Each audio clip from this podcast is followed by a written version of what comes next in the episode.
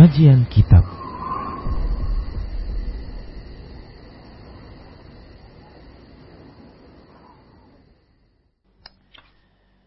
Assalamualaikum warahmatullahi wabarakatuh.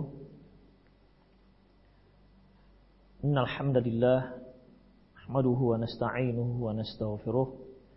Wa na'udzu billahi min shururi anfusina wa sayyiati a'malina.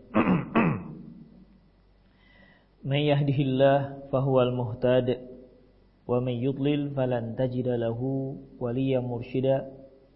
أشهد أن لا إله إلا الله وحده لا شريك له. وأشهد أن محمدا عبده ورسوله الذي لا نبي بعده.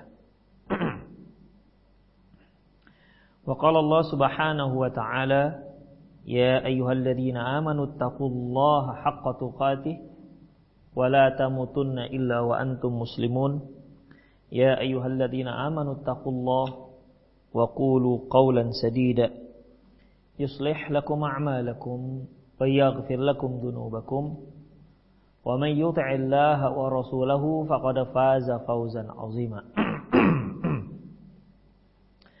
يا أيها الناس اتقوا ربكم الذي خلقكم من نفس واحدة وخلق منها زوجها وبث منهما رجالا كثيرا ونساء واتقوا الله الذي تساءلون به والأرحام إن الله كان عليكم رقيبا أما بعد نصدق الحديث كتاب الله وخير الهدي هدي محمد صلى الله عليه وسلم وشر الأمور محدثاتها وكل محدثة بدعة wa kulla bid'atin dhalalah wa kulla dhalalatin finnar.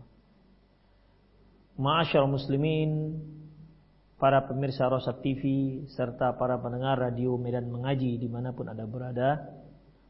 Alhamdulillah di sore hari ini kita kembali melanjutkan kajian kita yang ditulis oleh Al-Imam Muhammad bin Ismail al-ma'ruf yang ma'ruf dengan Imam Al-Bukhari rahimahullah yaitu kitab Adabul Mufrad.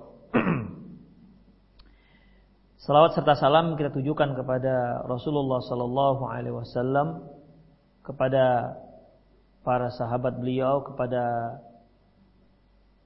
kerabat beliau dan kepada seluruh kaum muslimin yang berupaya untuk menghidupkan sunnah-sunnah beliau hingga akhir zaman kelak. Ikhwah rahimani Allahu wa iyyakum di kajian lalu kita telah masuk pada bab yaitu bab nafkah seorang terhadap hamba sahayanya dan pembantunya merupakan sebuah sedekah.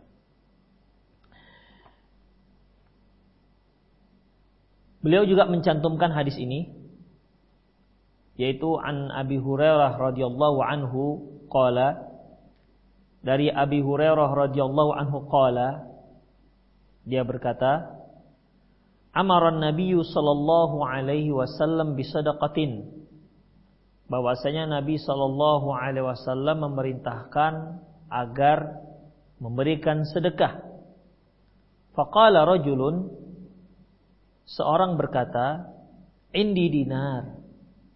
Aku memiliki uang dinar. Qal lantas beliau mengatakan, "Anfiq anfiqhu ala nafsik." Beliau mengatakan bahwasanya ya sedekahkan dia, nafkahkan dia untuk kepentingan dirimu. Qala indi akhar. Laki-laki ini mengatakan lagi, dan aku masih punya uang dinar yang lain. Qala anfiqhu ala zaujatik. Zaujatik. Beliau katakan udah, nafkahkan dia untuk kepentingan untuk kebutuhan istrimu. Qala indi akhir. Laki-laki itu kembali mengatakan, aku masih punya uang dinar yang lain. Qala beliau mengatakan anfikhu ala khadimik summa anta absir summa anta absaru Beliau mengatakan nafkahkan dia untuk kepentingan, keperluan pembantumu. Kemudian setelah itu engkau lebih tahu. Ikhwah, para pemirsa di mana pun anda berada. Hadis ini menyebutkan urutan apa yang seharusnya kita nafkahkan. Menyebutkan skala prioritas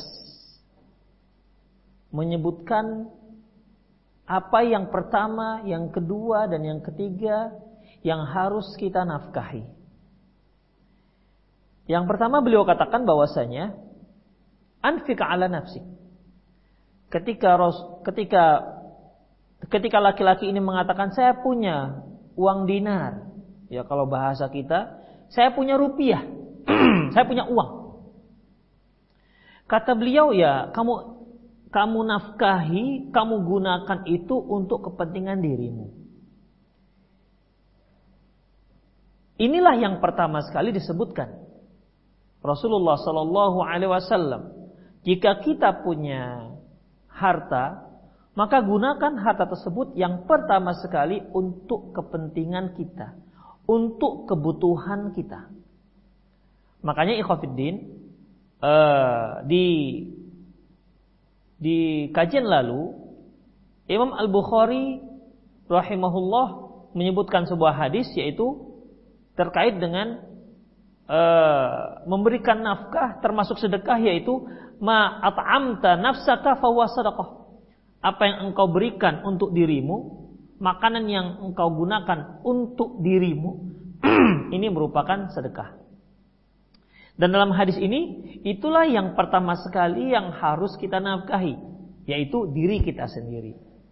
Ikhwah, perlu kita ketahui bahwasanya diri kita ini merupakan amanah dari Allah Subhanahu wa taala yang harus kita jaga. Jangan kita sia-siakan. Kita jaga kesehatannya demi untuk melanggengkan posisi kita sebagai hamba Allah Subhanahu wa taala. Oleh karena itu semua harta yang kita gunakan untuk kepentingan, untuk kebutuhan diri kita pribadi itu merupakan sedekah. Tapi ingat sebagaimana kajian kita yang lalu, jika kita lakukan itu semata hanya untuk mengharapkan pahala dari Allah Subhanahu wa taala. Tapi kalau hanya sekedar kebutuhan-kebutuhan uh, apa namanya? duniawi semata tanpa ada niat mengharapkan pahala dari Allah, ketahuilah bahwasanya orang kafir itu juga melakukan hal yang sama dengan diri kita. Tapi untuk membedakan kita dengan mereka yaitu kita harus niatkan, luruskan niat kita, luruskan mindset kita bahwasanya kita lakukan itu karena perintah Allah Subhanahu wa taala dan mengharapkan pahala dari Allah Subhanahu wa taala. Kemudian ikhwah Lantas bagaimana dengan uh, firman Allah Subhanahu wa taala soal Hasyr ayat 9? Walladzina tabawwa'ud dar wal imanu min qablihim yuhibbuna man ha yuhibbuna man hajara ilaihim wa la yajiduna fi sudurihim hajatan mimma utu wa yu'thiruna ala anfusihim walau kana bihim. Bagaimana dengan firman Allah Subhanahu wa taala yaitu mereka-mereka yang tabawa udar wal iman min qabl. Mereka-mereka yang datang ke Madinah maksudnya. Mereka-mereka yang datang ke Madinah di mana orang-orang orang-orang Ansor yuhibbuna man hajara ilaihim mereka mencintai orang-orang yang hijrah ke kampung mereka Maksudnya orang Ansor mencintai orang-orang yang hijrah dari Mekah meninggalkan sanak famili mereka, meninggalkan harta mereka, demi menyelamatkan agama mereka dan mereka pindah ke Madinah. Ditolong oleh diterima oleh orang-orang Ansor. Yuhibbuna man hajara ilaihim wala yajiduna fi sudurihim hajatan mimma utu. Dan mereka sama sekali tidak ada keirian, kedengkian terhadap orang-orang orang-orang Muhajirin. Karena memang dalam Islam orang-orang Muhajirin punya kelebihan, kekhususan dibandingkan orang Ansor. Tapi bagi orang Ansor nggak peduli. Mereka nggak mempedulikan hal itu. Tak mendap tidak ada sedikit pun dalam diri mereka rasa dengki dan iri. Dan yang terkait dengan permasalahan kita, wa yu'thiruna ala anfusihim bihim khasasah. Mereka itu lebih mendahulukan mereka ketimbang ketimbang diri mereka sendiri. Walau kana bihim khasasah, padahal mereka juga sangat membutuhkan. Ini bagaimana ikhwatiddin? Di mana orang-orang Ansor lebih mendahulukan orang Muhajirin, teman-teman mereka, sahabat-sahabat mereka yang hijrah dari Mekah ke Madinah. Padahal dalam hadis menyebutkan anfik ala nafsik. Yang pertama sekali engkau nafkahi, engkau infakkan, engkau gunakan hartamu untuk kebutuhan pribadimu, untuk kebutuhan dirimu. Tapi malah orang-orang Ansor lebih mendahulukan kebutuhan sahabat-sahabatnya muhajirin. Ini bagaimana ikhwafiddin? Ikhwah, apa yang di apa yang dilakukan oleh orang-orang Ansor ini merupakan kesempurnaan kedermawanan orang-orang Ansor. Dan ini ikhwafiddin sampai sekarang ada sampai sekarang berbekas sampai sekarang penduduk Madinah itu memang luar biasa dalam masalah kedermawanan. Ikhwah dibolehkan ya. Dibolehkan dan ini yang paling utama. Ini yang paling utama. Artinya kalau kita ada makanan, kita butuh ini. Kita lihat, kita lihat teman kita juga lapar misalnya. Boleh kita mendahulukan mereka. Tapi ini ikhwafiddin, ya ini perlu keikhlasan. Makanya orang-orang Ansor pada waktu itu mereka yang sudah mencapai derajat kedermawan yang paling tinggi, yang tingkat tinggi. Yang kedua ikhwafiddin yaitu mencintai, menyukai apa yang dia sukai itu yang diberikan kepada temannya. Rasulullah sallallahu alaihi wasallam mengatakan, "La yu'minu ahadukum hatta yuhibba li akhi ma yuhibbul nafsi." Tidak beriman salah seorang kalian hingga dia mencintai diri mencintai untuk temannya apa yang dia cintai untuk dirinya sendiri. Artinya apa ikhwatiddin? Ya, kebutuhan dia dia penuhi, kebutuhan temannya juga dia penuhi sama. Dia samakan dia samakan antara temannya dengan dianya. Yang ketiga seperti ini ikhwatiddin, dia harus mengutamakan dirinya sendiri. Ya. Dia harus mengutamakan dirinya sendiri. Artinya apa ikhwafiddin? Apabila dia punya sejumlah harta, sementara dia punya kebutuhan pokok, maka dia gunakan harta tersebut untuk kebutuhan pokok pribadinya. Seperti makan, minum, sandang, pangan, papan, ya. Kemudian kalau memang ada lebih, ikhwah ingat, lebih dari kebutuhan pokok. Kebutuhan pokok primer, ya. Karena yang namanya sekedar kebutuhan, berapapun Allah berikan kepada kita, kalau kita mengikuti nafsu kita, berapapun uang yang kita miliki tak akan pernah cukup. Bukankah Rasulullah Sallallahu Alaihi Wasallam pernah mengatakan, "Laukana libni Adam wadiyani minadz zahab la ahabba ayyakuna wadiyan salisan." Apabila seorang anak Adam memiliki dua lembah, dua lembah ini dipenuhi seluruhnya dengan emas, dia akan menyukai kalau dia memiliki lembah yang ketiga yang juga dipenuhi oleh emas. Dan dia tidak akan pernah puas. Mulutnya tidak akan pernah penuh. Tidak akan bisa penuh kecuali dengan dengan tanah. Artinya apa? Ikhwah, yaitu mati dia baru selesai keinginannya. Makanya yang kita maksud di sini, yang dimaksud oleh hadis yaitu kebutuhan pokok. Kalau masih ada kebutuhan pokok, maka apa ikhafidin? Apa kata laki-laki ini? Ini akhir, tapi aku masih punya lebihnya. Setelah aku memenuhi kebutuhan pokok diriku, pribadiku, aku masih punya duit lebih. Ini ke mana ini? Ke mana harus aku infakkan? Ke mana harus aku berikan? Rasulullah mengatakan, anfik ala zaujatik. Kalau begitu berikan kepada istrimu. Berikan kepada istrimu. Ikhwah perlu diperhatikan di sini. Banyak para suami dia mengurangi kebutuhan istrinya, kebutuhan pokok istrinya demi untuk membeli sesuatu yang tak penting bahkan bisa memudaratkan. Apa itu? Rokok. Ini zalim ikhwatiddin. Apabila seorang suami tidak memberikan kebutuhan yang cukup untuk istrinya karena ingin memenuhi kebutuhan rokoknya yang hukumnya haram, maka dia telah menzolimi istrinya. Bahkan dia telah menzolimi dirinya sendiri. Ini haram hukumnya, nggak dibolehkan. Dan sering kita dengar bahkan para pecandu-pecandu rokok lebih baik dia nggak makan ketimbang dia tak merokok. Ini jelas ikhafidin, ya. Rokok bukan kebutuhan pokok, bahkan itu kebutuhan, bahkan itu bukan kebutuhan, bahkan itu dapat meracuni diri seorang tersebut. Taib. Jadi ikhwah kalau seorang suami punya uang lebih, ke mana dia infakkan? Dia infakkan, dia nafkahi, dia berikan kepada istrinya. Rahimani Allah iyyakum. Dalam hadis ini, ya, dalam hadis ini tidak menyebutkan anak. Kalau kita lihat dalam Sahih Sunan Abi Daud ada lafaz tambahan tasaddaq bihi ala waladik. Tasaddaq bihi ala waladik.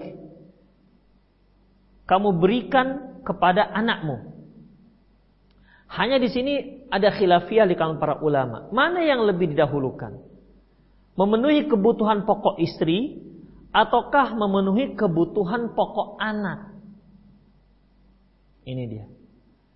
Kalau kita lihat pendapat sahibu penulis kitab Al-Autar, beliau membuatkan satu bab yaitu bab nafaqatul zaud takdimu ala nafaqatil aqarib. Bahwasanya nafkah nafkah untuk istri lebih didahulukan ketimbang nafkah untuk kerabat-kerabat.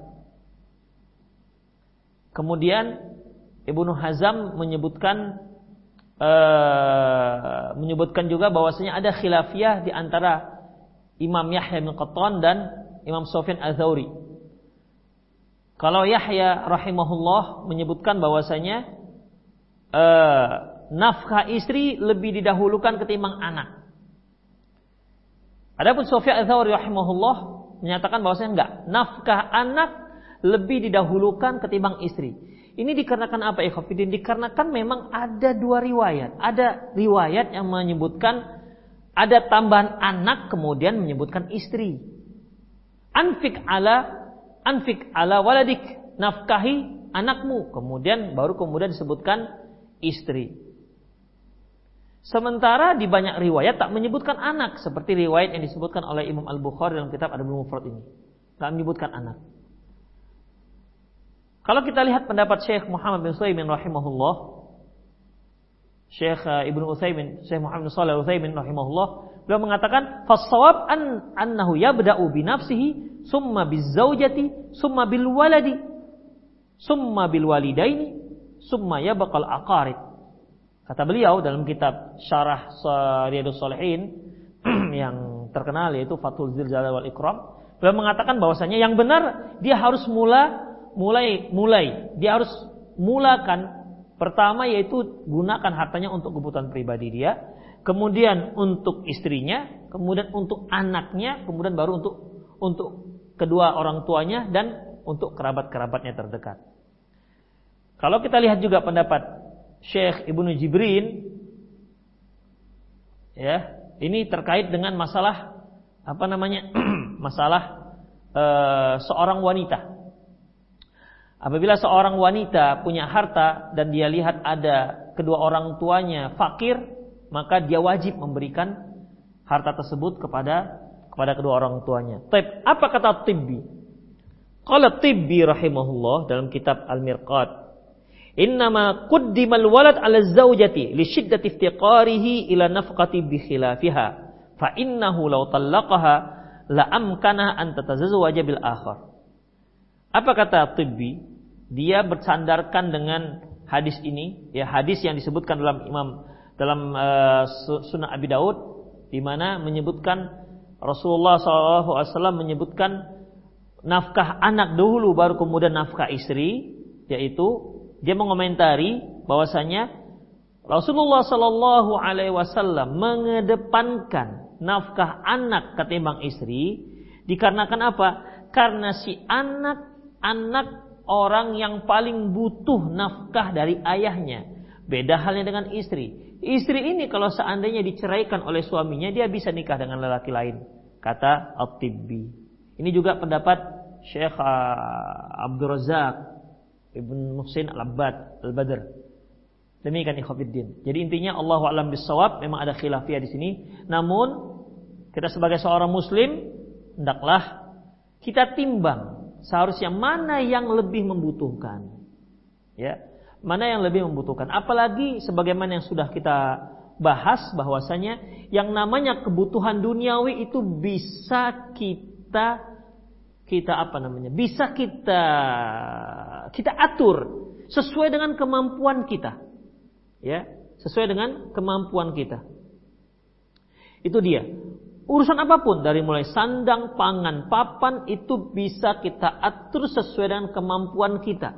Sandang misalnya. Ya kalau memang kita nggak mampu, belilah sesuai dengan kemampuan. Nggak mampu kita beli baru, banyak orang jual pakaian-pakaian second. Ya, pakaian-pakaian bekas. Yang penting kita bisa menutup aurat.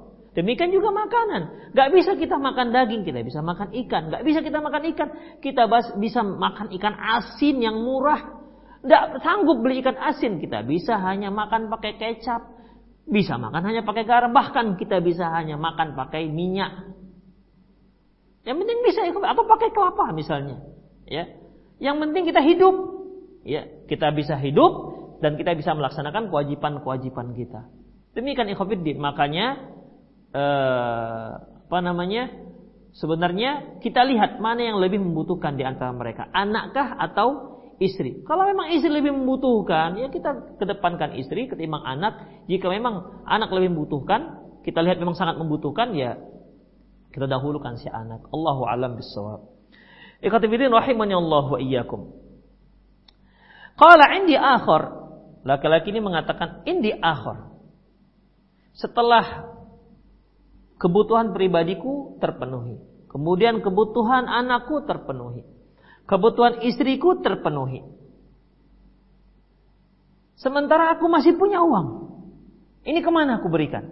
Ke mana aku nafkahi?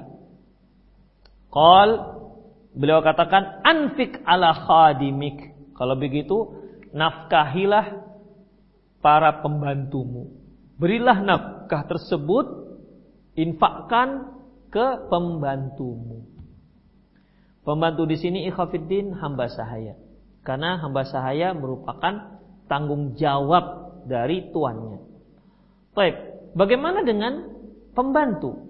Ya, kalau kita sebutkan sekarang pembantu rumah tangga di mana kita mengupah dia untuk bekerja mungkin sebagai cuci cuci baju atau nyapu rumah atau dia khusus untuk masak misalnya ya menyediakan masakan rumah tangga kita dan kita gaji dia Apakah ini termasuk? Ya, ini termasuk. Sesuai dengan kesepakatan kita dengan dengan dengan dia. Taip. Boleh nggak kita beri lebih? Boleh, nggak ada masalah. Ya, tidak ada masalah ikhwatiddin. Anfik ala khadimik kalau kamu masih punya uang lebih, silakan kamu berikan kepada pembantumu. Ikhwatiddin rahimani Allah wa iyyakum. Summa anta absaru. Lantas Rasulullah sallallahu alaihi wasallam menyebutkan setelah itu semua setelah itu semua kamu lebih tahu siapa yang lebih membutuhkan. Maksudnya ikhwafiddin yaitu dari kalangan kerabat-kerabat kita. Dari kalangan kerabat-kerabat kita. Mungkin abang kita, mungkin kakak kita, atau mungkin sepupu kita, atau mungkin paman-paman kita yang punya hubungan rahim dengan kita. Bahkan apabila seorang memberikan infaknya, sedekahnya kepada kerabatnya, maka kata Rasulullah Sallallahu Alaihi Wasallam dia memiliki dua pahala.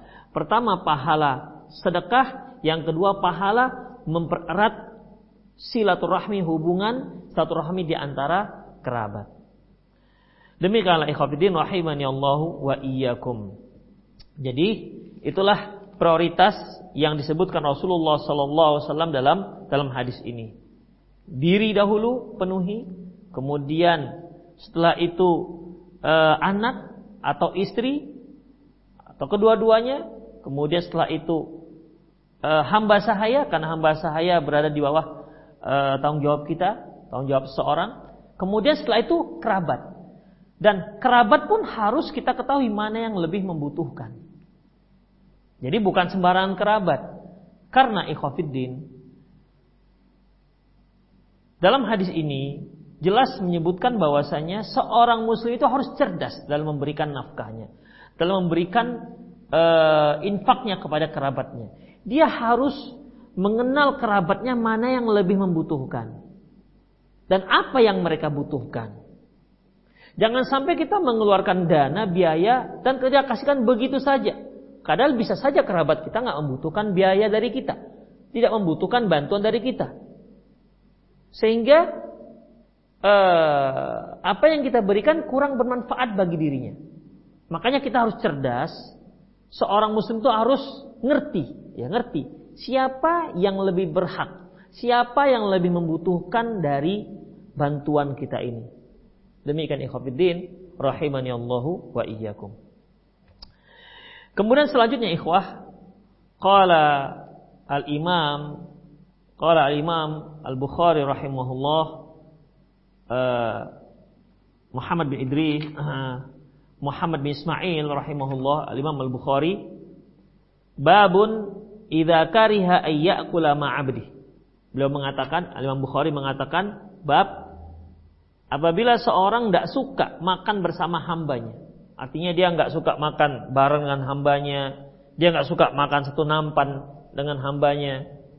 Ini bagaimana hukumnya? Apakah dia termasuk takabur ataukah tidak? Saya ulangi. Bab ini maksudnya bab idza kariha kulama abdi. Apabila seorang nggak suka makan bersama hambanya. Terus apa? Jawabannya apa ini? Boleh apa enggak? Ada demikian. Jawabannya Ikhafiddin disebutkan dalam hadis.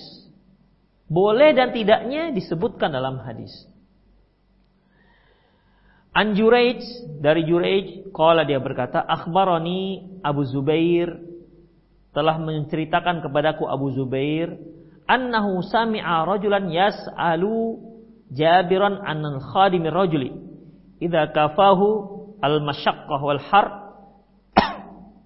amran nabiyyu ayyada'uhu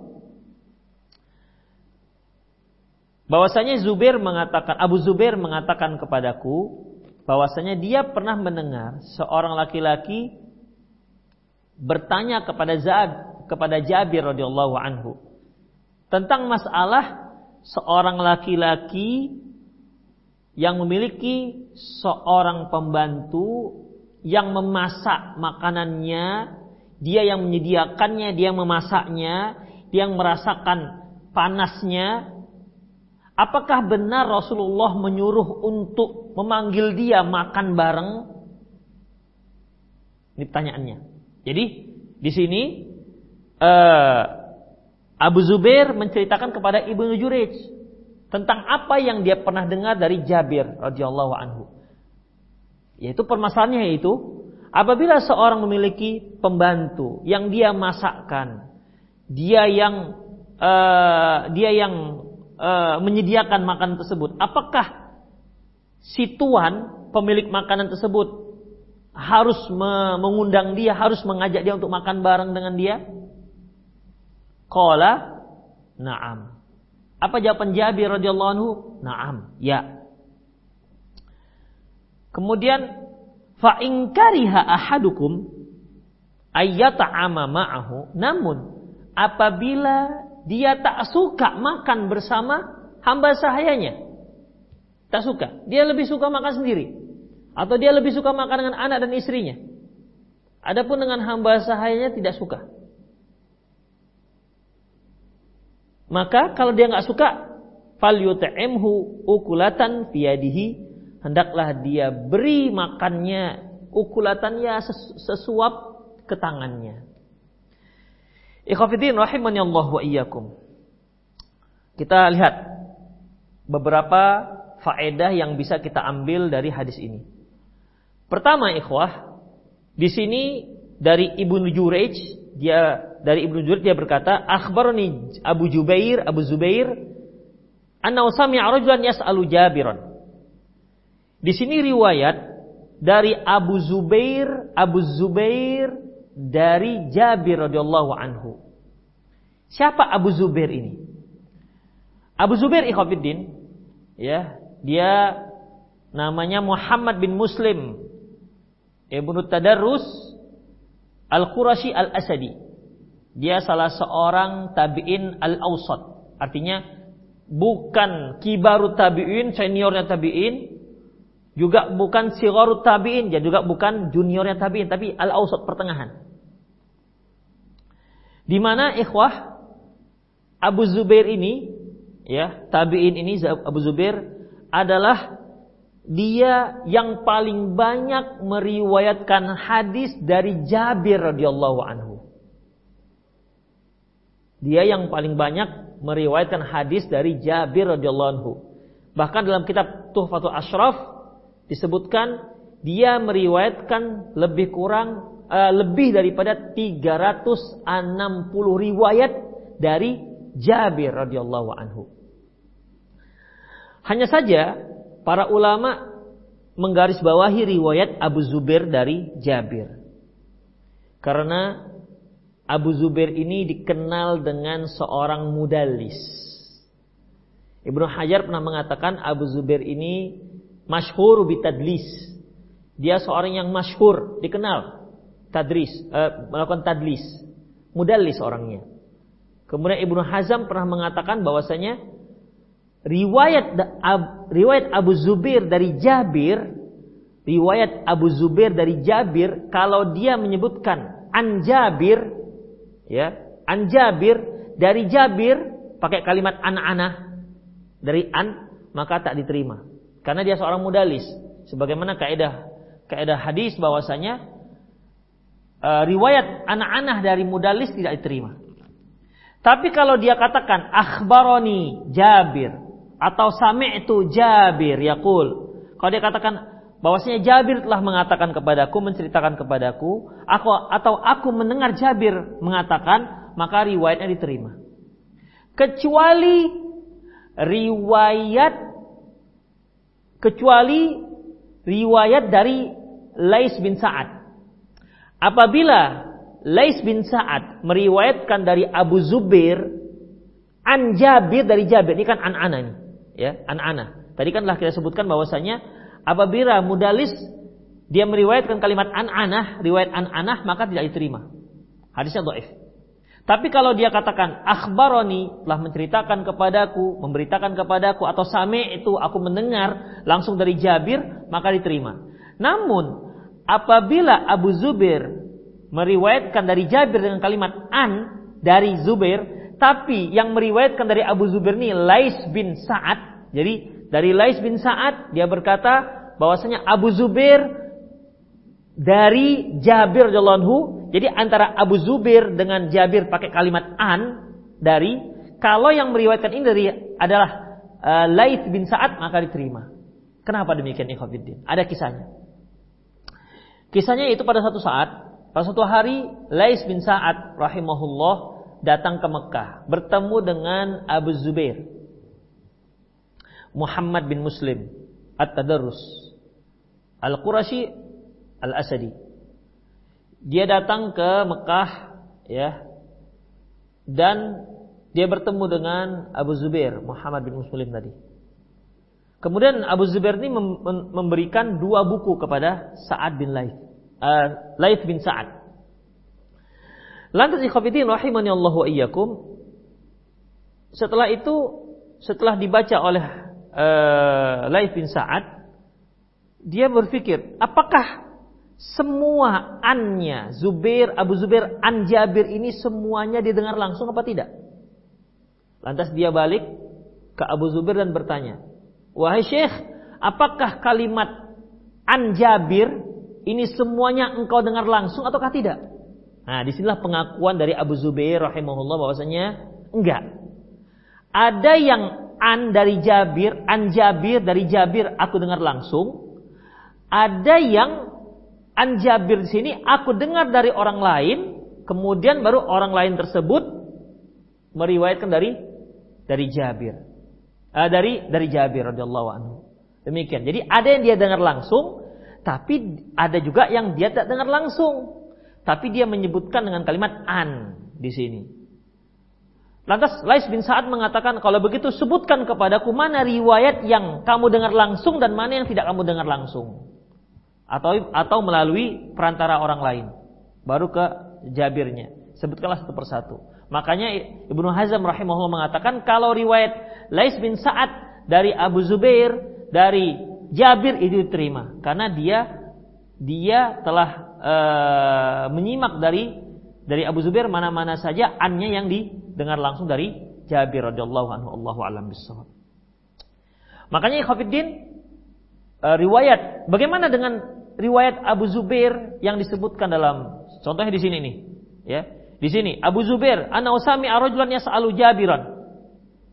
Dia mendengar Ikhafiddin karena dia mendengar dari Jabir langsung maka riwayatnya sahih. Yang enggak sahih tadi kalau dia pakai an dari. Demikian. Demikian juga kalau ada di dalam kitab Sahih Bukhari, Sahih Muslim, Abu Zubair, kemudian dia riwayatkan dari Jabir, itu sahih. Ya. Itu semua sahih sebagaimana dikatakan oleh Imam Ahmad Syakir. Baik. Kita kembali kepada hadis. Di mana ikhwatiddin rahimani Allah wa iyyakum uh, di sini pertanyaannya, pertanyaan Abu pertanyaannya apa betul kamu pernah apa betul kamu pernah mendengar kalau seorang pembantu sudah mem memasakkan makanan lantas si tuan harus memanggil dia untuk makan bareng dengan dia? Kata Jabir radhiyallahu anhu, kata Jabir, "Nah, ya harus." Dia harus dia mengajaknya makan bareng. Karena apa? Ikhwafiddin, karena pembantu yang telah uh, membuatkan makanan, yang telah bersusah payah membuatkan makanan.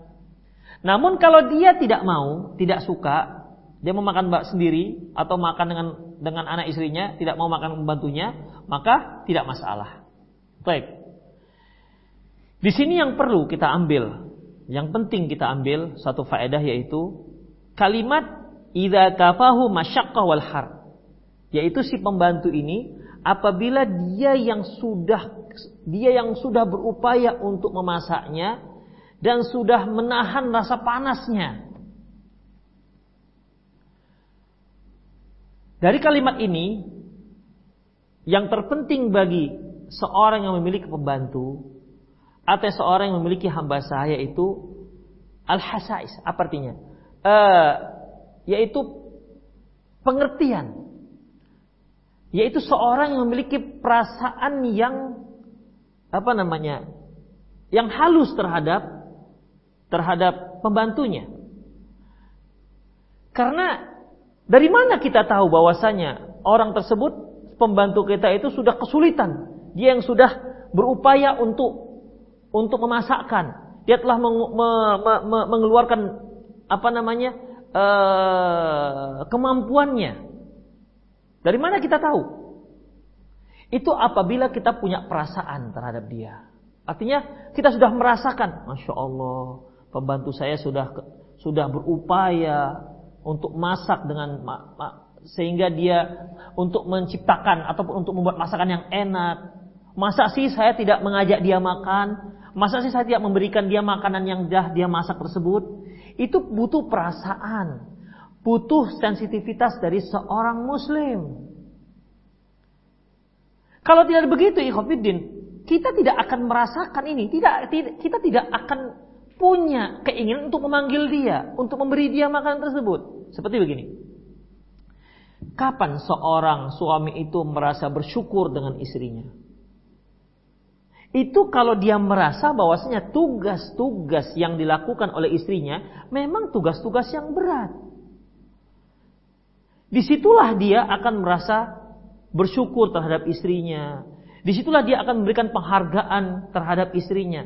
Tapi kalau dia merasa apa yang dilakukan istrinya, ah biasa-biasa saja itu. Bukan pekerjaan beratnya. Kalau dia tidak punya rasa, kalau dia punya rasa seperti itu, dia tidak akan mungkin bersyukur dengan dengan istrinya. Makanya di sini perlu menumbuhkan perasaan eh, apa namanya? perasaan yang bagus untuk agar kita bisa bersyukur, memberikan syukur kita kepada pembantu kita, kepada istri-istri kita. Karena bagaimanapun ikhwatiddin, kita tidak akan bisa bersyukur terhadap sebuah kebaikan orang kecuali ketika kita tahu ini sebuah kebaikan yang luar biasa. Kecuali setelah kita tahu ini merupakan sebuah kebaikan, maka kita harus kita harus mensyukur, mensyukuri kebaikan yang telah dia berikan. Demikian juga pembantu ini. Ya, jadi perlu menumbuhkan menumbuhkan perasaan seperti ini, menumbuhkan perhatian yang uh, perhatian yang khusus untuk seperti ini. Sehingga dengan tumbuhnya perhatian seperti ini, perasaan seperti ini, ya, kita ada tergerak dalam hati kita untuk mengajak dia makan bareng dengan kita. Kenapa? Dia yang telah membuat makanan tersebut. Atau minimal, nah, minimal kita berilah bahagiannya. Kita sisihkan sedikit makanan tersebut untuk si pembantu kita yang dia sudah memasaknya. Ikhwatifidin rahimani Allah wa iyyakum. Dalam riwayat yang lain yang diriwayatkan oleh Imam Ahmad, umirna an nad'uhu fa in kariya ahaduna ayyata'ama ma'ahu falyut'imhu fi yadihi. Kami diperintahkan untuk mengajak dia untuk makan bareng. Kalau dia nggak suka, maka kalau dia nggak suka pembantunya makan bareng dengan dia, maka berikanlah bahagian dia. Berikanlah sebahagian makanan tersebut ke ke tangannya. Allah wa iyyakum, para pemirsa Rosa TV di mana pun Anda berada, serta para pendengar radio Medan Mengaji di mana pun Anda berada. Ya, dalam hadis ini Rasulullah Sallallahu Alaihi Wasallam menyebutkan amaran Nabiyu ayyada'uwahu. Rasulullah memerintahkan untuk mengajaknya makan bareng. Sebagaimana yang telah kita ketahui bahwasanya apabila satu perintah itu hukumnya wajib. Al-amru yaqtadil wujub. Pada dasarnya perintah itu hukumnya wajib. Kecuali jika ada dalil yang e, memalingkannya dari wajib ke mustahab, dari wajib ke sunnah. Nah, sekarang permasalahannya. Di sini hadis, hadis ini menyebutkan lafaz amaron nabi. Nabi memerintahkan. Artinya memerintahkan untuk mengajak dia makan bareng dengan kita. Secara hukum asal, hukumnya wajib ikhafidin. Kenapa? Di sini menyebutkan perintah. Amaron Nabi sallallahu alaihi wasallam. Nabi Shallallahu Alaihi Wasallam memerintahkan. Nabi Shallallahu Alaihi Wasallam memerintahkan berarti wajib. Kalau mau memalingkannya dari wajib ke sunnah atau dari wajib ke nadab atau dari wajib ke mustahab, maka harus ada dalil yang memalingkannya. Harus ada dalil yang memalingkannya dari hukum asal perintah itu merupakan hukumnya wajib. Lantas yang di sini ini bagaimana? Apa hukumnya? Apakah wajib karena perintah Rasulullah SAW? Hukumnya wajib? Jawabannya enggak. Loh, kita harus butuh dalil dong. Mana dalilnya mengatakan dari wajib kok menjadi sunnah? Mana datanya? Mana dalilnya? Dalilnya itu kalimat setelahnya. Apa kalimat setelahnya ikhwafiddin? Kalimat setelahnya fa'in karya ahadukum ayyata'ama ma'ahu. Apabila kalian tak suka makan bersama mereka, bersama pembantu, bersama hamba sahaya, fal yut'imhu ukulatan fiyadih, maka berikanlah sedikit bahagian untuk dirinya. Di sini Rasulullah SAW nggak mengatakan haram, nggak, berdosa, nggak. Tapi kalau dia nggak suka, Rasulullah SAW tak mencela mereka yang tidak suka makan bersama pembantunya. Tak mencela. Karena kalau kita katakan wajib, berarti mereka yang nggak suka, mereka telah melakukan perbuatan yang haram. Tapi ternyata Rasulullah mengatakan kalau kalian tidak suka, ya sudah nggak apa-apa. Kan itu artinya. Kalau kalian tidak suka ya nggak apa-apa. Tapi berikanlah sedikit jatah mereka. Berikanlah sedikit jatah untuk mereka. Dan ini tidak tercela. Maka perintah Rasulullah Shallallahu Alaihi Wasallam tadi yang seharusnya wajib dia berubah menjadi dia menjadi apa? Menjadi sunnah. Karena Rasulullah Shallallahu Alaihi Wasallam tidak mencela, tidak melarang orang yang tidak mau makan bersama hamba sahayanya, yang tidak mau makan bareng dengan pembantunya.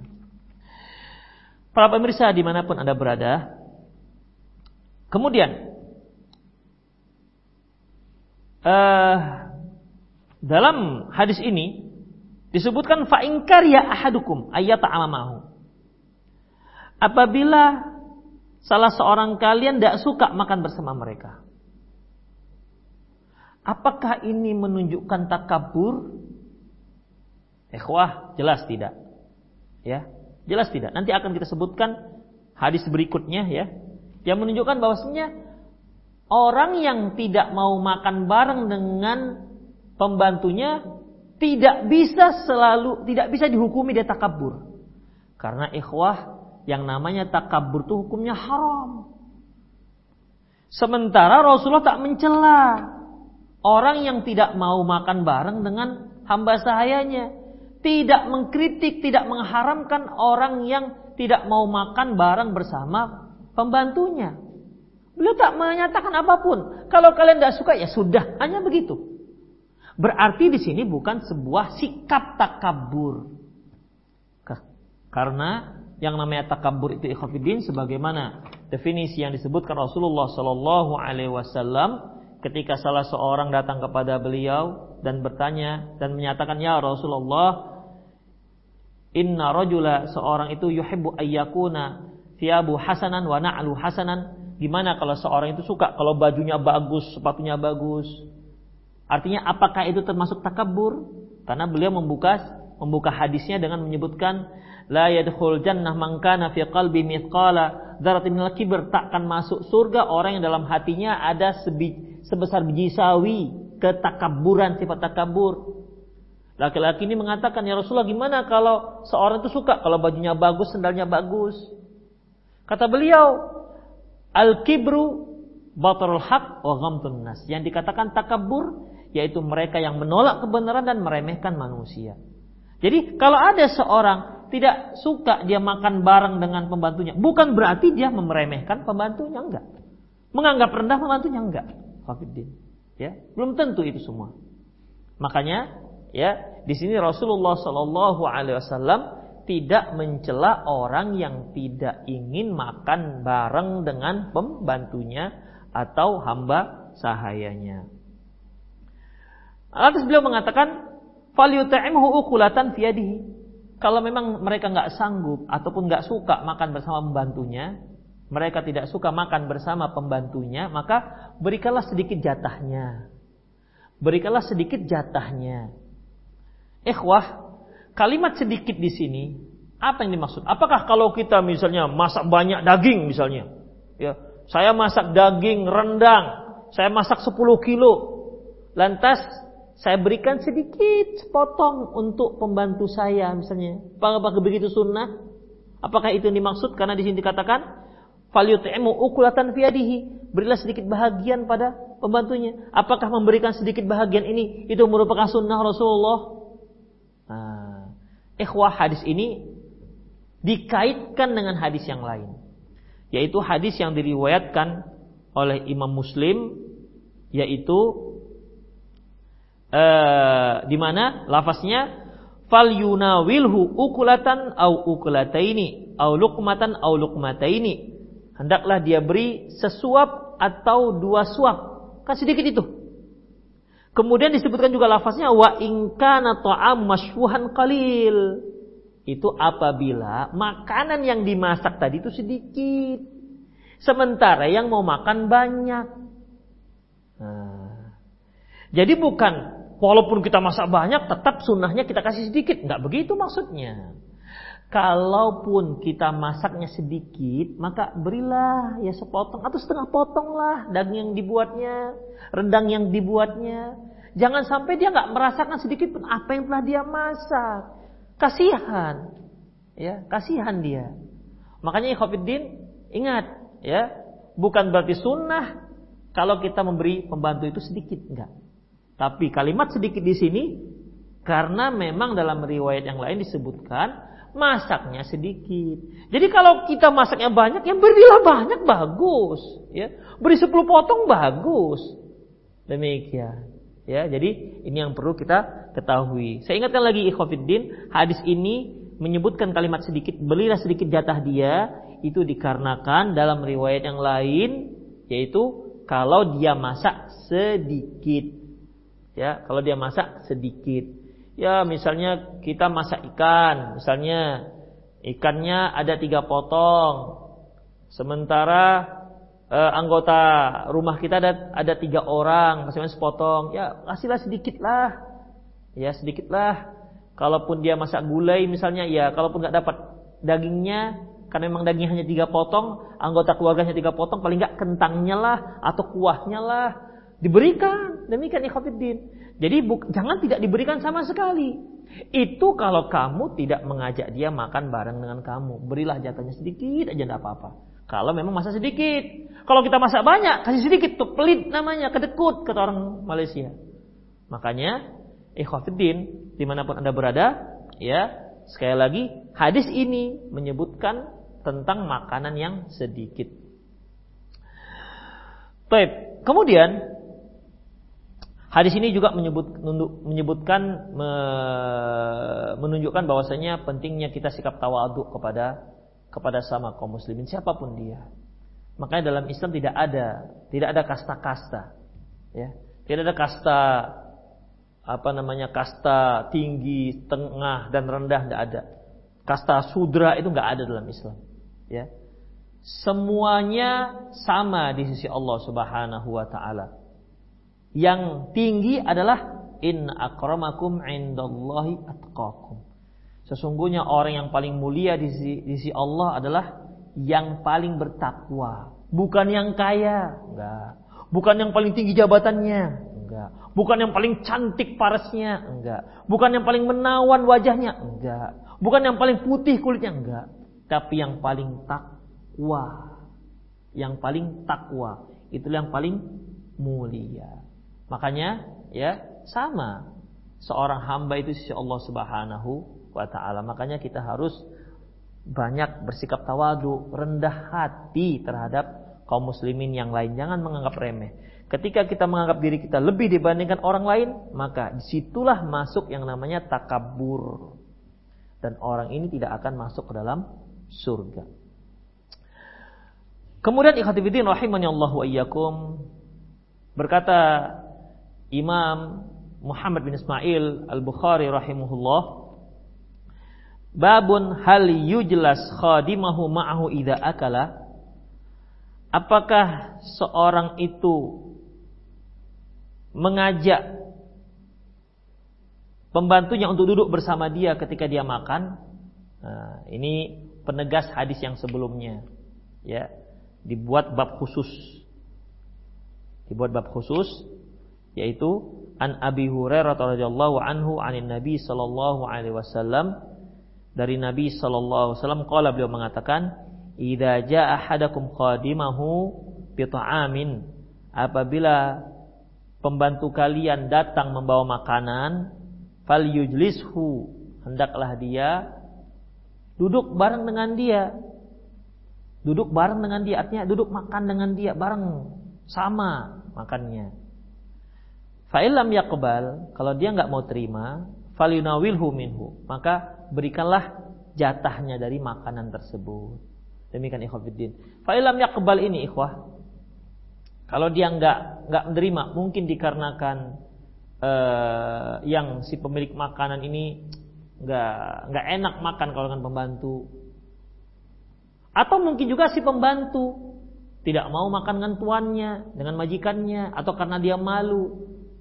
Atau mungkin kan ada orang-orang itu kalau dia makan dengan atasannya nggak tertelan dia. Dikarenakan saking sungkannya ada. Dan itu banyak ikhwatiddin, ada kaum ibu-ibu itu yang kalau dia makan dengan dengan teman-teman pengajiannya agak susah makannya. Tapi kalau makan di rumahnya banyak, misalnya begitu. Kenapa? Gak ada yang disungkan, ada yang seperti itu. Tapi kalau dengan orang ramai mungkin ada yang gak sanggup, gak tertelan dia kalau dia terlalu banyak makan. Ada yang sama saja paku rata, mau banyak, mau depan orang, mau sendirian, banyak terus makannya. Ya. Ada memang jenis-jenis orang seperti itu. Jadi kalau dia nggak terima, artinya tidak bisa, baik karena dari majikannya sendiri yang kurang enak kalau makan bersama pembantunya, atau si pembantu yang nggak mau makan dengan dengan majikannya karena malu atau mungkin ya karena sungkan, maka hendaklah si majikan memberikan jatah makannya ke si pembantu. Karena apa ikhwatiddin? Karena dia yang telah memasaknya. Karena dia yang telah menyediakan hidangan tersebut. Dalam riwayat yang lain dalam kitab musannif fa innahu walla harrahu wa ilajuhu. Karena si pembantunya itulah yang telah yang telah merasakan panas api. Karena masak itu kan pakai api dan dia juga yang telah berupaya untuk memasaknya. Jadi berikanlah sedia sedikit makanan tersebut. Terakhir ikhwafiddin yaitu an Abi Mahdurata qala dari Abi Mahdurah qala ini Abi Mahdurah seorang sahabiya, seorang sahabat yang dia dikenal sebagai seorang sahabat yang apa dengan kisah adannya Abi Mahdurah di mana Rasulullah Shallallahu Alaihi Wasallam setelah selesai perang Hunain, beliau menunjuk Abi Mahdurah sebagai muadzin di Mekah. Dan dia terus menjadi muadzin sampai dia meninggal di kota Mekah. Itu Abi Abi Mahdurah. Abi Mahdurah radhiyallahu anhu qala dia berkata, "Kuntu jalisan 'inda Umar radhiyallahu anhu." Ketika aku duduk bersama Umar radhiyallahu anhu, idja'a Safwana Idja'a Sofwan bin Umayyah bijafnatin. Datanglah Sofwan bin Umayyah membawa jafnah. Jafnah ini uh, kalau bahasa kita piring besar, ah, talam, ya, talam besar. Kalau sekarang kan terbuat dari kaleng atau terbuat dari stainless atau terbuat ada yang terbuat dari plastik atau melamin. Kalau dahulu terbuat dari kayu, dari pap, dari papan, dari kayu. Intinya yaitu jafna itu talam lah, tempat makanan nampan yang besar. Jadi Sofwan bin Umayyah membawa nampan besar ini. Isinya makanan. Yahmiluha nafarun fi fi abain fi abaatin. Fawada'uha baina yaday Umar. Di mana nampan ini yang bawanya itu bukan satu orang, dua bukan satu orang, nggak sanggup dibawa oleh satu orang. Dikarenakan dia besar, ya dan diletakkan di hadapan Umar bin Khattab. Umar bin Khattab pada waktu itu sudah menjabat sebagai khalifah. Fada'a Umaru nasan masakin wa ariqa min araq min araqqa innasi haulah. Lantas Umar bin Khattab memanggil orang-orang miskin yang ada dekat dia. Ya bahasa kita, ya makan, makan, makan, makan, makan. Nah, dipanggillah orang-orang fakir, orang miskin, ngumpul bersama Umar bin Khattab, makan satu nampan, makan satu talam dengan Umar bin Khattab. Kemudian fa'akalu ma'ahu. Maka makanlah Umar bin Khattab bersama bersama orang-orang fakir miskin. Ingat ikhwatiddin, Umar bin Khattab pada saat itulah orang pertama. Ya, orang pertama. Artinya dia pejabat negara yang pertama, duduk paling atas yaitu khalifah. Khalifah Rasulullah sallallahu alaihi wasallam. Dia presidennya. Dia penentu negaranya. Dia makan bersama orang-orang fakir luar biasa tawaduknya Umar bin Khattab radhiyallahu anhu. Ketika Romawi ditaklukkan oleh kaum muslimin pada masa Khalifah Umar bin Khattab itu orang-orang Romawi datang ke Madinah melihat gimana sih istananya Umar bin Khattab? Dia lihat gak ada istananya. Dia pun bertanya mana Umarnya mana? Ternyata Umar bin Khattab sedang tidur-tiduran atau duduk-duduk di bawah pohon kurma. Itu istananya. Itulah uh, apa nama singgasananya. Apa kata orang Romawi ini? Inilah kaum yang bisa menaklukkan kami. Artinya dunia bagi kaum ini kecil, ya tidak ada harga bagi mereka.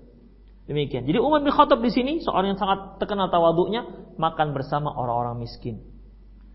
Summa qala inda di saat itu dia mengatakan fa'alallahu biqaumin aw qala lahallahu qauman yarghabuna an ariqaihim ayakulu ma'ahum.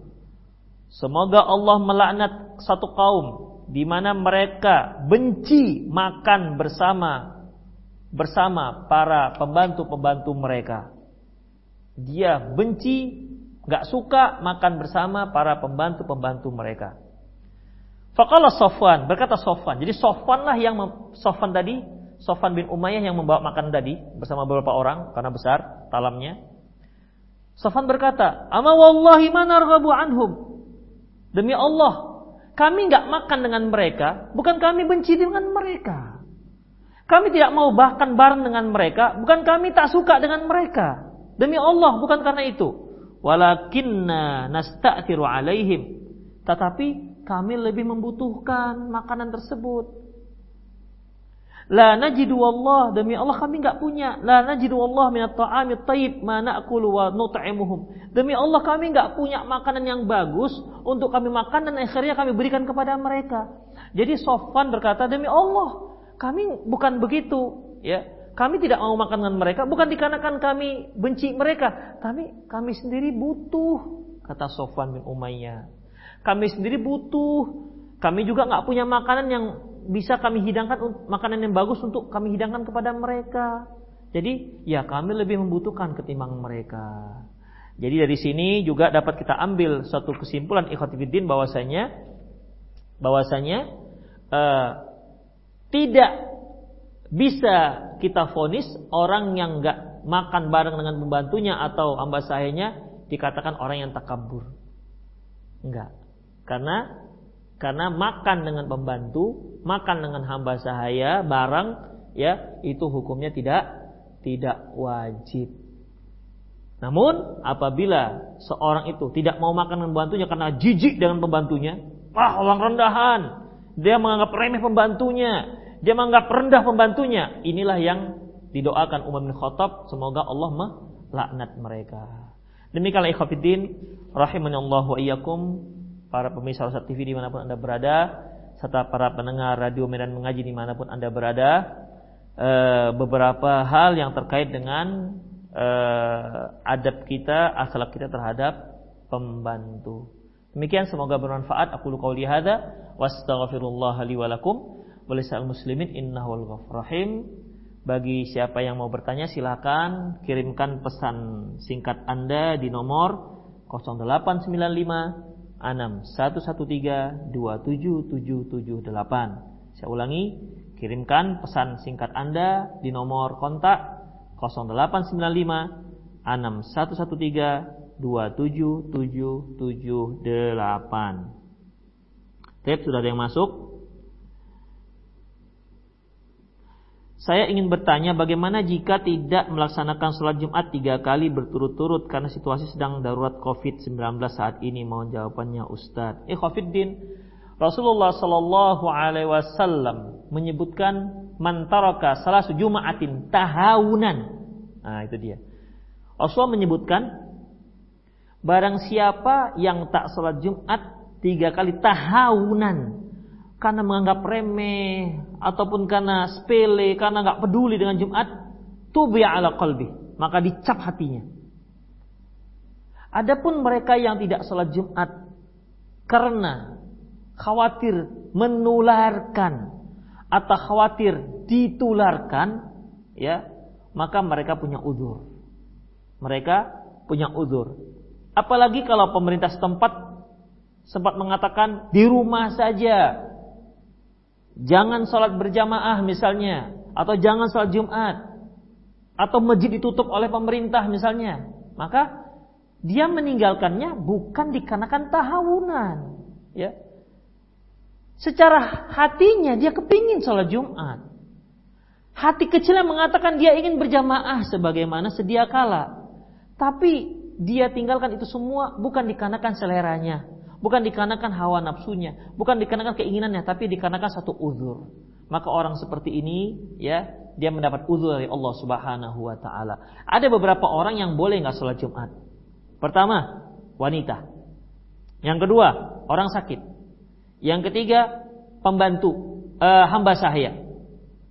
Yang keempat, musafir. Maka orang yang khawatir dengan terjangkitnya COVID-19, apalagi sudah ada anjuran, apalagi apakah dia PDP ataukah ODP, apalagi sudah positif corona, ya, maka dia boleh untuk tidak sholat berjamaah ataupun sholat Jumat. Kalau dia sudah positif corona, haram dia pergi sholat Jumat ke ke masjid. Karena apa? Ikhwafiddin. Karena dia akan menularkan virus tersebut kepada kaum muslimin yang lain. La doror wala diror. Tidak boleh memudaratkan dan juga tidak boleh dimudaratkan. Demikian. Jadi yang dimaksud dalam hadis meninggalkan tiga kali sholat Jumat yang dimurkai oleh Allah Subhanahu wa taala yaitu apabila dia meninggalkan karena tahawunan karena dia apa namanya mengabaikan tak peduli dengan sholat Jumat. Pada pada, eh, pada zaman Ibnu Abbas radhiyallahu anhu pernah pada saat itu adzan muadzin mengumandangkan adzannya lantas Ibnu Abbas mengatakan kamu katakan sallu fi buyutikum Salat kalian di rumah kalian karena pada waktu masanya waktunya turun hujan. Jadi kalau sedang hujan lebat pada saat salat Jumat, seorang boleh untuk tidak salat Jumat. Untuk tidak salat Jumat. Ya. Padahal yang namanya hujan ya basah. Karena basah, apalah basah? Ya. Sekarang kalau kita lihat kita bandingkan antara basah dengan terjangkit penyakit. Nah, demikian. Kalau kekhawatiran tuh memang ada kekhawatirannya, maka boleh dia untuk tidak ke sholat Jumat. Tapi kalau dia merasa apa namanya nggak ada masalah dengan COVID tersebut, atau dia merasa bersih dari itu, tidak masalah dia datang ke masjid. Kecuali kalau pemerintah sudah katakan jangan sholat ke masjid, ya maka kalau dia langgar maka dia tidak dibolehkan.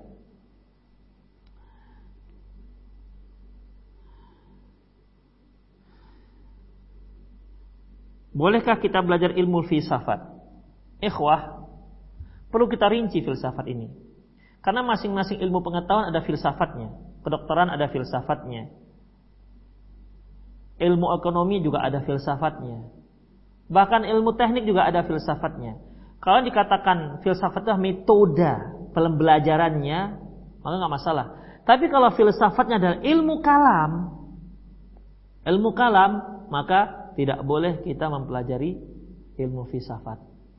Bagaimana kata Imam Syafi'i, mereka yang belajar ilmu filsafat, paginya muslim, sorenya juga bisa kafir. Sorenya muslim, paginya sudah sudah bisa berubah menjadi kafir. Kemudian beliau juga mengatakan hukuman orang yang belajar ilmu kalam yaitu dia diarak diarak ke tengah-tengah kampung ke tengah-tengah masyarakat diarak dan sambil dipukuli oleh pelepah korma.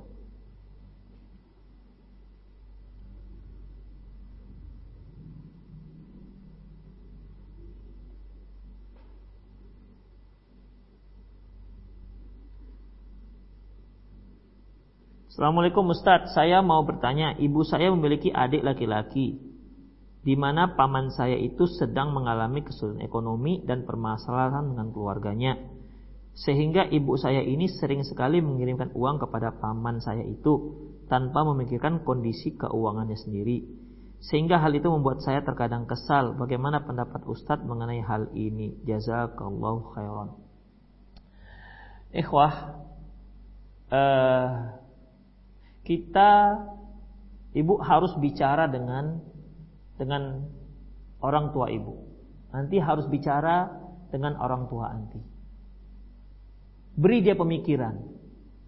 Kan bisa saja kita merasa orang tua kita tuh butuh.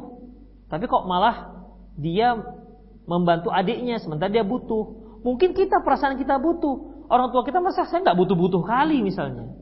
Jadi perlu diajak berpikir. Mungkin kita yang salah menilai bahwasanya orang tua kita butuh, padahal dia nggak butuh. Sehingga dia lebih mengutamakan adiknya misalnya. Makanya cobalah dibicarakan. Apa permasalahannya? Bicarakan dengan orang tua dengan cara yang terbaik, cara yang lembut. Ajak dia berpikir begitu. Jangan sampai ya, jangan sampai uh, apa namanya memudaratkan dirinya dikarenakan membantu adiknya. Makanya tanyalah, apa kenapa sih Ma? Kenapa sih Umi? kok lebih mendahulukan adik sementara Umi begini gini gini gini? Coba tanyakan, kenapa? Apa alasannya? Mungkin dia punya alasan. Jangan-jangan dia punya alasan yang kuat. Maka kalau dia punya alasan yang kuat, terimalah itu. Tapi kalau tidak, ajaklah berpikir bagaimana cara yang terbaik. Allahu a'lam bishawab.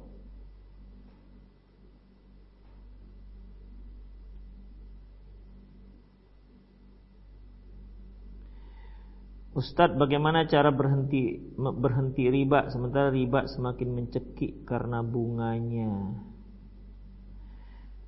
Kalau antum punya aset, jual aset-aset itu. Jual aset semua. Lepaskan hutang kepada rentenir tersebut. Baik rentenir yang berdasi yang di kantor maupun yang maupun yang kalangan apa namanya? Uh, personal. Jual aset ada mobil, jual mobil. Ada rumah, jual rumah. Ada tanah, jual tanah. Jual, dah. Lepaskan hutang, lepaskan dari riba. Jangan sayang-sayang. Ya. Selama ini kan orang yang nggak bisa terlepas dari riba karena dia mikir e, nanti sayanglah saya jual rumah saya, saya nanti saya ngontrak. Nah, nggak ada masalah ya Ya, nggak ada masalah. Jualah aset kita, ya. Ya kecuali kalau memang satu hal tinggal hal yang sangat-sangat sangat-sangat uh, penting, sangat-sangat uh, apa namanya primer, ya itu dipertahankan.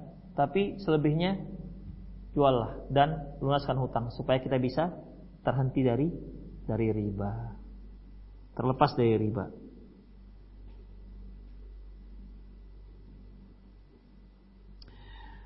Taib ikhwafiddin rahimanallahu iyyakum. Itulah saja Eh, pertanyaan yang bisa kita bahas. Semoga Allah Subhanahu wa taala Baik, ini ada satu lagi pertanyaan. Bismillah Ustadz, mau bertanya, upah bulanan yang saya berikan kepada pembantu apakah termasuk sedekah? Uh, sedekah itu ada dua. Ya. Ada yang wajib dan ada yang tak wajib. Kalau yang yang dimaksud sedekah yang kita sebutkan di sini adalah sesuatu yang sifatnya e, kalau yang namanya apa yang namanya upah pembantu ya yang namanya upah pembantu itu merupakan kewajiban yang harus kita berikan kepada dia. Dan itu sudah ada MOU-nya kita sudah apa namanya sudah e, sepakat dengan dia sudah sepakat dengan dia, kerjaannya dia ini, kemudian gaji dia segini. Sepakat. Ya, kewajiban. Tapi apakah kita dapat pahala dari situ?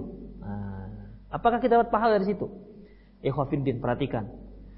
Ketika kita menerima seorang pembantu untuk membantu kegiatan rumah tangga kita, ya, kemudian kita niatkan sekaligus untuk menolong dia, maka itu maka gaji yang kita berikan termasuk sedekah. Gaji yang kita berikan walaupun wajib kita berikan ya, maka Allah Subhanahu wa taala akan memberi kita pahala. Makanya ikhwah beda. Seorang muslim yang memberikan gaji kepada pegawai-pegawainya yang sudah menjadi kewajiban dia menggajinya dengan orang yang enggak muslim yang dia juga punya akad yang sama. Kita sebagai seorang muslim akan diberi pahala oleh Allah. Mereka tidak. Makanya ikhwafiddin, ketika kita buat satu akad pekerjaan, kita memberi upah, jangan hanya sekedar niatnya itu menciptakan lapangan kerja. Jangan hanya sekedar karena dia telah membantu saya, tapi ingatlah ikhwafiddin, ingatlah bahwasanya kita juga mengharapkan pahala dari Allah Subhanahu wa taala. Bukankah ketika kita menafkahi istri itu juga sebuah kewajiban? Bukankah kita menafkahi diri kita itu juga sebuah kewajiban? Bukankah kita menafkahi anak kita, kita sebuah kebaikan? Dan itu tidak menjadi kebaikan kalau kita hanya sekedar melaksanakan rutinitas. Ini istri saya, ya kalau saya nggak kasih nafkah ke dia, nanti dia akan pukul saya, dia akan marah-marahi saya, dia akan ngamuk misalnya. Kalau hanya sekedar begitu, dapat pahala dari Allah Subhanahu wa taala. Ya, makanya pada hadis yang lalu yang telah kita bacakan bahwasanya ma at'amta nafsaka fahuwa sadaqah. Apa yang kamu berikan, makanan yang kamu berikan untuk dirimu itu sedekah. Wa ma at'amta waladaka wa zaujataka wa khadimaka fahuwa sadaqah. Makanan yang engkau berikan kepada anakmu, istrimu dan pembantu-pembantumu itu sedekah. Makanya kapan dia menjadi sedekah? Apabila seorang itu berharap pahala dari Allah Subhanahu wa taala. Berharap pahala dari Allah Subhanahu wa taala. Maka semua kewajiban-kewajiban itu diberikan pahala oleh Allah Subhanahu wa taala. Itulah pembeda seorang yang punya ilmu dengan yang tak punya ilmu. Sama-sama mengeluarkan uang yang sama, tapi yang ini tak ada pahalanya, yang ini ada pahalanya. Demikian. Semoga bermanfaat. Aku lu qauli hadza wa astaghfirullah li wa lakum wa lisairil muslimin innahu wal ghafur rahim. Kita akhiri dengan doa kafatul majlis. Subhanakallahumma bihamdik asyhadu an la ilaha illa anta astaghfiruka wa atubu ilaik. Wa sallallahu ala nabiyina Muhammad wa ala alihi wa ashabihi ajma'in. Wa akhu da'wana alhamdulillahirabbil alamin. Assalamualaikum warahmatullahi wabarakatuh.